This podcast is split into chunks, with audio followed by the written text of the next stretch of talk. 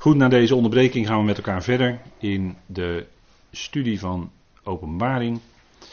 En we hebben vlak voor de pauze met elkaar gezien, God heeft alles onder controle. En dat is maar goed ook, dat we dat weten.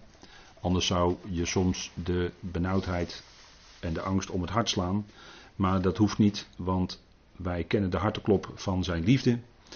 En in zijn hand, in zijn liefdevolle hand, is ons leven te allen tijden geborgen. God geeft het in hun harten zijn mening te doen, hè, zegt Openbaring 17. Toch een hele bijzondere uitspraak, zo in dat gedeelte. En één mening te doen staat er dan in vers 17. En hun koninkrijk te geven aan het wilde beest, totdat de woorden van God ten einde gebracht zullen worden. Dus mensen die worden bewogen door voor ons vaak verborgen motieven. Wij weten niet wat mensen drijft, wat mensen aanstuurt. En soms krijg je daar door middel van publicaties ineens zicht op. Dat kan. En dan zie je ineens verheldert dat een heleboel. Hoe zaken lopen in deze wereld. Maar God geeft aan de mens, die zich alleen bewust is van zijn zelfzuchtige doelen, zijn mening. En die mens denkt, ik streef mijn eigen doel na, maar intussen bewerkt hij toch precies dat wat God wil. God wil namelijk dat Babylon verwoest wordt. En daarom geeft hij aan die tien leiders, aan die tien koningen, geeft hij dat ze eensgezind worden, dat er consensus is en dat ze dat plan willen uitvoeren. En daartoe geven ze de macht aan die figuur, die wetteloze, die antichrist. En zal hij ze aansturen om Babylon te gaan verwoesten. Dus de motieven, die worden uiteindelijk wel degelijk, ook hierin, door God aangestuurd. En we zien dat natuurlijk, hè, Gods wil en Gods bedoeling. Ik denk dat dat toch uh, belangrijk is dat u dat voortdurend voor ogen heeft. Gods wil, daar kunnen mensen tegen ingaan. Maar Gods bedoeling kunnen zij nooit weerstaan. En als je kijkt, en daarover is ook een artikel in de nieuwste UR gekomen, dat ik vertaald heb van broeder Nog, waarin hij toch op een aantal hele bijzondere dingen wijst, als het gaat om Gods wil. En bovendien, dat hele nummer van de UR is uh, weer gevuld met allerlei fijne artikelen, denk ik. Dus de moeite van het lezen en bestuderen waard. Maar in het artikel van Gods wil wordt ook dan op een gegeven moment iets bijzonders gezegd als het gaat om de Heer Jezus, die dan op een bepaalde manier in de dienst aan God werkt. Die wil de wil van God doen. En aan de andere kant gebeuren er ook dingen waarin dingen verborgen worden gehouden voor de mensen. En daar dankt de Heer Jezus dan voor. En dat, dat is een bijzonder moment. En dat komt dat in dat artikel op een bijzondere manier naar voren. Dus ik raad u aan om dat aandachtig te lezen. Het is misschien niet zo'n makkelijk artikel, maar het is wel de moeite waard. Want het verheldert weer meer over hoe zit dat nou met die wil van God en dat raadsbesluit van God, dat doel van God, die bedoeling. Dat zie je ook bij de farao. Farao die ging in tegen Gods wil. God verhardde zijn hart. Hij ging in tegen de geopenbaarde wil van God, laat mijn volk gaan. En dwars daardoorheen werkte God zijn bedoeling uit, dat zijn naam verheerlijkt wordt. En dat gebeurde ook. En zo is het steeds. En dat is een bijzonder iets hoor. Het onderscheid tussen Gods wil en Gods bedoeling. Dat is buiten wat de publicaties die we, die we op een gegeven moment uh, ter beschikking kregen, de studies. Daarbuiten is daar maar heel weinig over bekendgemaakt. En daarom mogen wij heel dankbaar zijn dat we zo'n zicht hebben op hoe dat werkt in Gods plan. Hè? Hoe God dat werkt met zijn geopenbaarde wil en zijn verborgen bedoeling. Dat zijn hele bijzondere facetten. Goed, de vrouw staat in vers 18 van uh, Openbaring 17. De vrouw die jij waargenomen hebt, wordt tegen Johannes gezegd, is de grote stad. die vrouw is het symbool, is het beeld wat Johannes zag. Die grote hoer die daar zit op dat beest. En die bestuurt dat beest. Dat is geheimenis. Dat is het geheimenis Babylon. Maar hier komt dan de uitleg. De vrouw die jij waargenomen hebt, is de grote stad die een koninkrijk heeft over de koningen van de aarde. Dat is de letterlijke betekenis. En de vrouw, dat is het symbool. Dat is de, het beeld.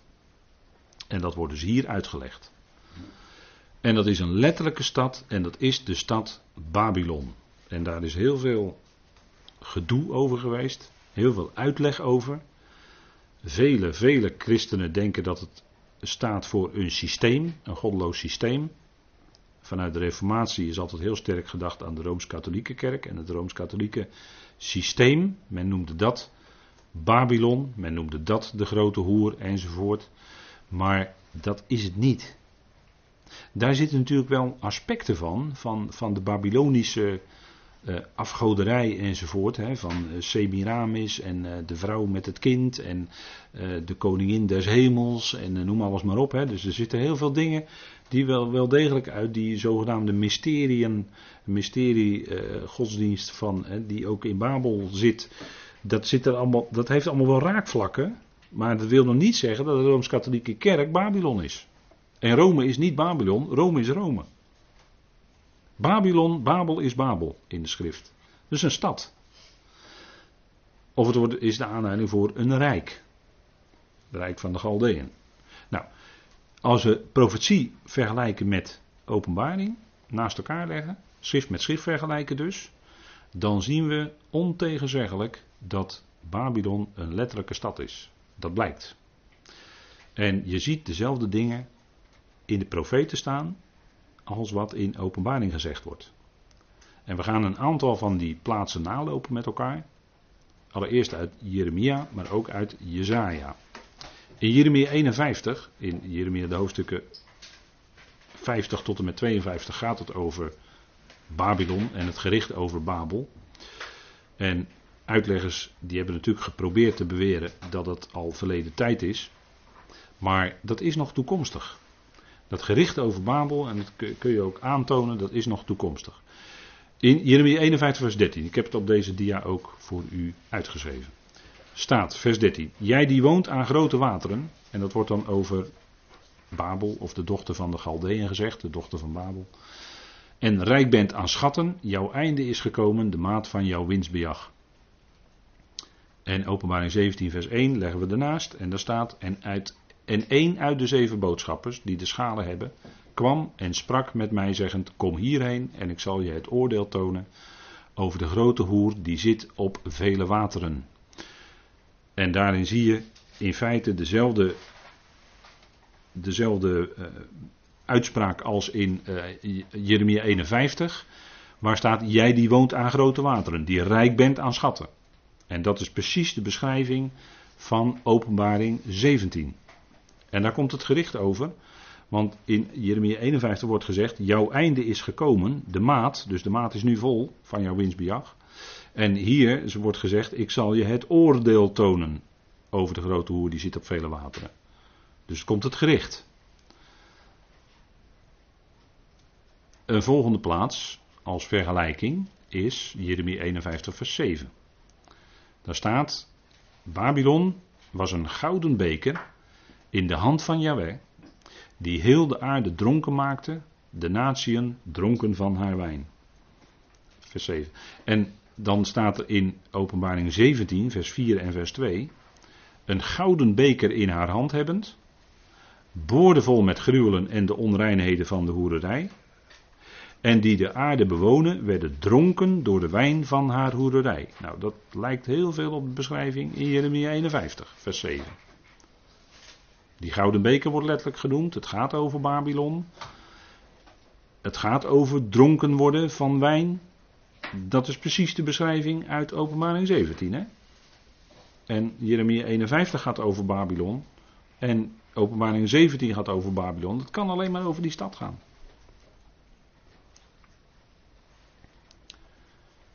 Dan Jezaja 47, daar wordt ook iets gezegd over Babylon, over Babel. De dochter van Babel wordt daar genoemd. En die wordt genoemd in één adem de dochter van de Galdeën. want dat Babel ligt in het gebied daarvan, die Mesopotamië, het gebied van de Galdeën. En zij heet dan een gebiedster van koninkrijken in Jezaja 47. En we hebben het net al gelezen, vers 18 van openbaring 17.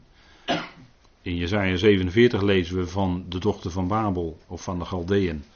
dat is Babylon, gebiedster van koninkrijken of gebiedster van de volkeren. De vrouw die jij zag is de grote stad die een koninkrijk heeft over of op of over de koningen van de aarde. En dat is, dat is exact de beschrijving van Jesaja 47. We lezen dezelfde dingen. Zo ook Jesaja 47 vers 8 en 9, openbaring 18 vers 7 en 8. In Jesaja 47 staat, Jij zei, ik zal in de Olaam gebiedster zijn. Nu dan, hoor dit, wilderige die zo onbezorgd woont. Die in haar hart zegt, ik ben het en niemand anders dan ik. Ik zal niet als weduwe neerzitten of rouwen. Maar deze beiden zullen jou ineens overkomen, rouw en weduwschap. Dus zij zit zelfbewust, hoogmoedig, en dat blijkt ook in openbaring 18. Zoveel zij zichzelf verheerlijkt heeft en wilderig is geweest, geeft haar zoveel kwelling en rouw, omdat zij in haar hart zegt, ik zit als een koningin, en een weduwe ben ik niet, en rouw zal ik in geen geval kennen. Daarom zullen in één dag haar slagen aankomen, dood en rouw en honger. Nou, dit kun je zo op Jezaja 47 leggen. Hè? Dat is één op één, bijna.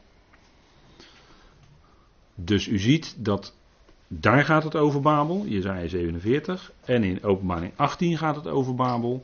En het is een stad. Het gaat over een letterlijke stad.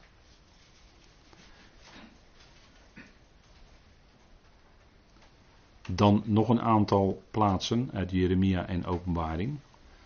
51, vers 25. Ik, ik zal mijn hand tegen jou uitstrekken. Ik zal jou maken tot een berg die in brand staat. Openbaring 18 zegt, en met vuur zal zij verbrand worden, want sterk is de Heere God die haar richt. En dat is dan natuurlijk de Heer, de Heer Jezus Christus. En dan in Jeremia 51 staat, ga weg uit zijn midden mijn volk. Openbaring 18 vers 4 zegt, komt uit haar mijn volk. Dus daar zullen dan nog zelfs gelovige Israëlieten in Babylon zijn, maar er wordt tegen gezegd, ga uit, want het gericht gaat komen, de stad gaat verwoest worden. Dat is uh, Petrus die schreef vanuit Babylon in zijn eerste brief. En ook dan zullen er zelfs nog uh, gelovige Joodse mensen zijn in Babel, maar ze moeten maken dat ze wegkomen. Ga weg uit zijn midden, zegt de Heer tegen zijn volk. En Jeremia 50 zegt dan: Doe ermee zoals zij zelf deed. Dus haar daden zullen op haar eigen hoofd terugkomen. Geef terug aan haar zoals ook zij teruggegeven heeft. dat is wat in het Engels noemen payback. dus ze wordt terugbetaald, ze wordt teruggegeven met de, de, de eigen, dat komt op haar eigen hoofd weer terug. De ongerechtigheid en de zonde en degene die richt, dat is de Heer. Degene die richt is de Heer. Openbaring 18 vers 8 staat dat. Hè? Sterk is de Heere God die haar richt. En dat hij dat laat uitvoeren door middel van boodschappers. Of in dit geval door middel van die tien staten of tien koningen. Dat is wat anders, dat hij daar instrumenten voor gebruikt. Maar in feite is het de Heere God die haar richt. En daarin komt ook, omdat het getuigenis, we hebben gezien in de eerdere, in de tempelgedeelte, dat op een gegeven moment de, tempel open gaat in de hemel. En dan wordt het getuigenis zichtbaar. En het getuigenis, dat is de wet. Dat is de Torah. Dat is de onderwijzing. En die onderwijzing die getuigt tegen dat volk dan. Want dat volk is vervallen in afgoderij. Daar in Babylon. En dan gaat die wet, die gaat tegen dat volk getuigen. En dan moet het gericht komen. Dat kan niet, dat kan niet, zomaar, uh, dat kan niet zomaar voorbij gaan. Dat woord van God dat getuigt daartegen. En dan wordt het teruggegeven en dan komt de verwoesting van Babylon. En dat wordt uitgebreid beschreven in Openbaring 18. Hè. Kijk, Jezus Christus voert het gericht uit. Het gaat om hem natuurlijk in Openbaring. Hij voert het gericht uit over Babylon.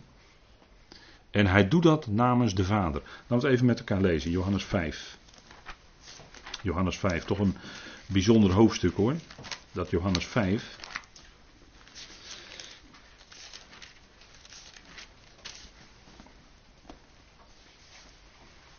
En dan gaat het over de vader en de zoon. En dat is heel goed om dat met elkaar te vergelijken. die vergelijking tussen de vader en de zoon. En dan zie je allemaal verschillen. En er staat in Johannes 5, vers 19. Jezus dan antwoordde en zei tegen hen: Voorwaar, voorwaar, ik zeg jullie. En als dat ingeleid wordt met amen, amen, zoals hier, dan is het een hele zware, ernstige uitspraak. De zoon kan niets van zichzelf doen. Dat is wat, hè? Als hij dat niet de vader ziet doen. Want al wat deze doet, dat doet ook de zoon op dezelfde wijze. Dus je ziet dat de zoon hetzelfde werkt als de vader. Hè? Hij werkt wat de vader bedoelt en wil, werkt hij uit. Want de vader heeft de zoon lief. Het is de zoon van zijn liefde, hè, zegt Paulus in Colossense. En laat hem alles zien wat hij doet. En hij zal hem grotere werken laten zien dan deze, opdat u zich verwondert. Want zoals de vader de doden opwekt en levend maakt, zo maakt ook de zoon levend wie hij wil. Mooi hè? Dat bepalen wij dus niet, wie er levend gemaakt wordt, dat bepaalt hij. En als het hem behaagt allen uiteindelijk levend te maken, ja, dan gaat dat gebeuren ook natuurlijk. De zoon gaat dat doen. Hij is de eersteling die levend gemaakt is. Dat wil zeggen, hij is de eersteling van de oogst en dat is de garantie dat de hele oogst gaat komen. Evenals in Adam allen sterven, zo zullen ook in Christus allen levend gemaakt worden. Let op de volgorde. Hè? Het is niet allen die nu in Christus zijn. Er staat in Christus allen. Levend gemaakt. Die zullen levend gemaakt worden. Dat is net zo onontkoombaar als dat allen in Adam sterven. Dat is een perfecte parallel hè? in 1 Corinthië 15, vers 22. Daar is niet aan te ontkomen hoor, aan die conclusie. Allen worden levend gemaakt. dat is het geweldige goede nieuws wat daar klinkt. En dat is, het, dat is echt, dat, ja, dan heb je echt goed nieuws hoor. En dan vers 22, want ook de Vader oordeelt niemand, maar heeft heel het oordeel aan de Zoon gegeven. Dus heel het gericht is aan de Zoon gegeven. Hij zal de volkeren richten als hij zit op de troon van zijn heerlijkheid. En daar zal de plaats van de volkeren bepaald worden in de duizend jaar. En dan heb je schapenvolkeren en bokkenvolkeren. Het gaat helemaal niet om de eeuwige straf. Kom nou toch. Het gaat daar over de insnoeiing voor de Aion. In de duizend jaar, wat die plaats van de volkeren dan zal zijn. En het criterium in Matthäus 25 is, hoe hebben zij Israël behandeld? Gaat om werken, gaat helemaal niet om geloof daar, gaat om werken. Zo zie je hoe hopeloos men alles door elkaar haalt. Maar het punt is dat hij zit daar op de troon van zijn heerlijkheid en hij is degene die daar als herder richt. En de schapen en de bokken zullen inderdaad dan van elkaar gescheiden worden, klopt. Maar dat zijn volkeren die hun plek toegewezen krijgen in de duizend jaar. En het ene volk zal meer ingesnoeid worden dan het andere volk. dat wordt, het, wordt, het woord, wordt niet het woord straf gebruikt, maar het woord kolasis. En dat betekent insnoeiing. Dus het is helemaal niet de eeuwige straf die in Matthäus 25 klinkt. Dat is inleg van mensen. Die lezen daar allerlei dingen in die er niet staan. En dat is hoogst kwalijk hoor. Zo kun je niet met de schrift omgaan. Daar moet je zorgvuldig mee omgaan. Context laten spreken. Waar gaat het over? Nou, het gaat in Matthäus 25 hierover. Over de Heer aan het begin van het koninkrijk. Aan het begin van de duizend jaar. En de grote witte troon, daar zit hij ook als richter. Maar dat is pas na de duizend jaar. Dat is heel wat anders dan de troon van zijn heerlijkheid. En daar worden mensen wel individueel gericht voor de grote witte troon. Daar wel. Daar wel. Maar dan is geen sprake van schapen en bokken. Daar worden al die ongelovigen daarna geworpen in de poel des vuurs. En dat is de tweede dood. En de tweede dood is geen gericht. Dat is na het gericht pas. Over doden kun je niet richten, die zijn dood, die horen dan niks. En dan zijn ze dood in de tweede dood tot aan de levendmaking. En dan is de tweede dood weg. En dat doet hij. Hij is degene die de dood opheft. Dat is het geweldige. Hè? Dat is het evangelie wat Paulus brengt. En vandaar dat men Paulus niet moet. En verkeerd interpreteert en uitlegt. Daarom is hij de verlaten apostel. Want hij predikt het heil gewoon rechtuit voor allen, voor iedereen. En dan zegt men dat is een gevaarlijke leer. Ja, dat zal wel. Is gevaarlijk voor jou, want jij denkt dat jij beter bent dan die anderen die allemaal verloren gaan en jij bent behouden. Maar die leer is dan voor jou gevaarlijk, want het zal blijken dat iedereen uiteindelijk behouden is. Zo is God. In zijn hart past gelukkig iedereen. God zij dank wel. Maar eh, hij richt, hè? Hij richt. Dus aan de zoon is al het gericht gegeven. Dus als er gericht wordt, zit hij op die troon. Van heerlijkheid of grote witte troon, hij zit daar. En hij houdt gericht. En gelukkig hij, want zijn naam betekent redder, hè? Jezus. Hij is redder. Die zit op de troon. En dat is geweldig, hè? Opdat allen de zoon eren, staat er dan in vers 23, zoals zij de vader eren. Wie de zoon niet eert, eert de vader niet, die hem gezonden heeft. En andersom natuurlijk, als je de zoon wel eert, eer je ook de vader. maar hij, en bij gelegenheid kan het zijn dat de Heer dan het gericht delegeert aan boodschappers. Dat kan. Maar dan is toch de Heer die instructies geeft en die in feite het gericht uitvoert. zo ziet de schrift dat.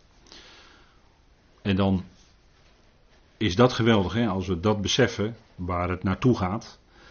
We zien enorme gerichten in openbaring. En het slot, een van de slotgerichten is inderdaad dat gericht over Babylon. Dat is dan de hoofdstad van het antichristelijke wereldrijk. Wat gestalte zal krijgen en wat al bezig is gestalte te krijgen trouwens hoor. Met allerlei vormen van gedachtenveranderaars en noem alles maar op. Maar hij zal dat overwinnen en hij zal dat uit buitenwerking stellen. Hij zal dat uitschakelen. Hij is overwinnaar. Dat is de boodschap die klinkt in openbaring. Hè? Hij is overwinnaar. En omdat hij overwinnaar is, mogen wij ons zelfs meer dan overwinnaars noemen. Hè? In Romein 8, wij zijn zelfs meer dan overwinnaars. Door hem die ons lief heeft. Nou goed, ik wil het hierbij laten voor deze avond. We gaan de volgende keer verder met openbaring 18. Ik wilde afsluiten met een dankgebed met u. Vader, we danken u dat we ook zo deze avond met elkaar mochten nadenken over ernstige dingen.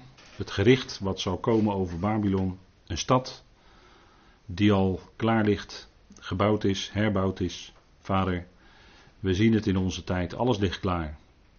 En dan is eigenlijk alleen die bazuin die klinkt en de weerhouder moet weggenomen worden. En dan zal alles zich gaan doorzetten.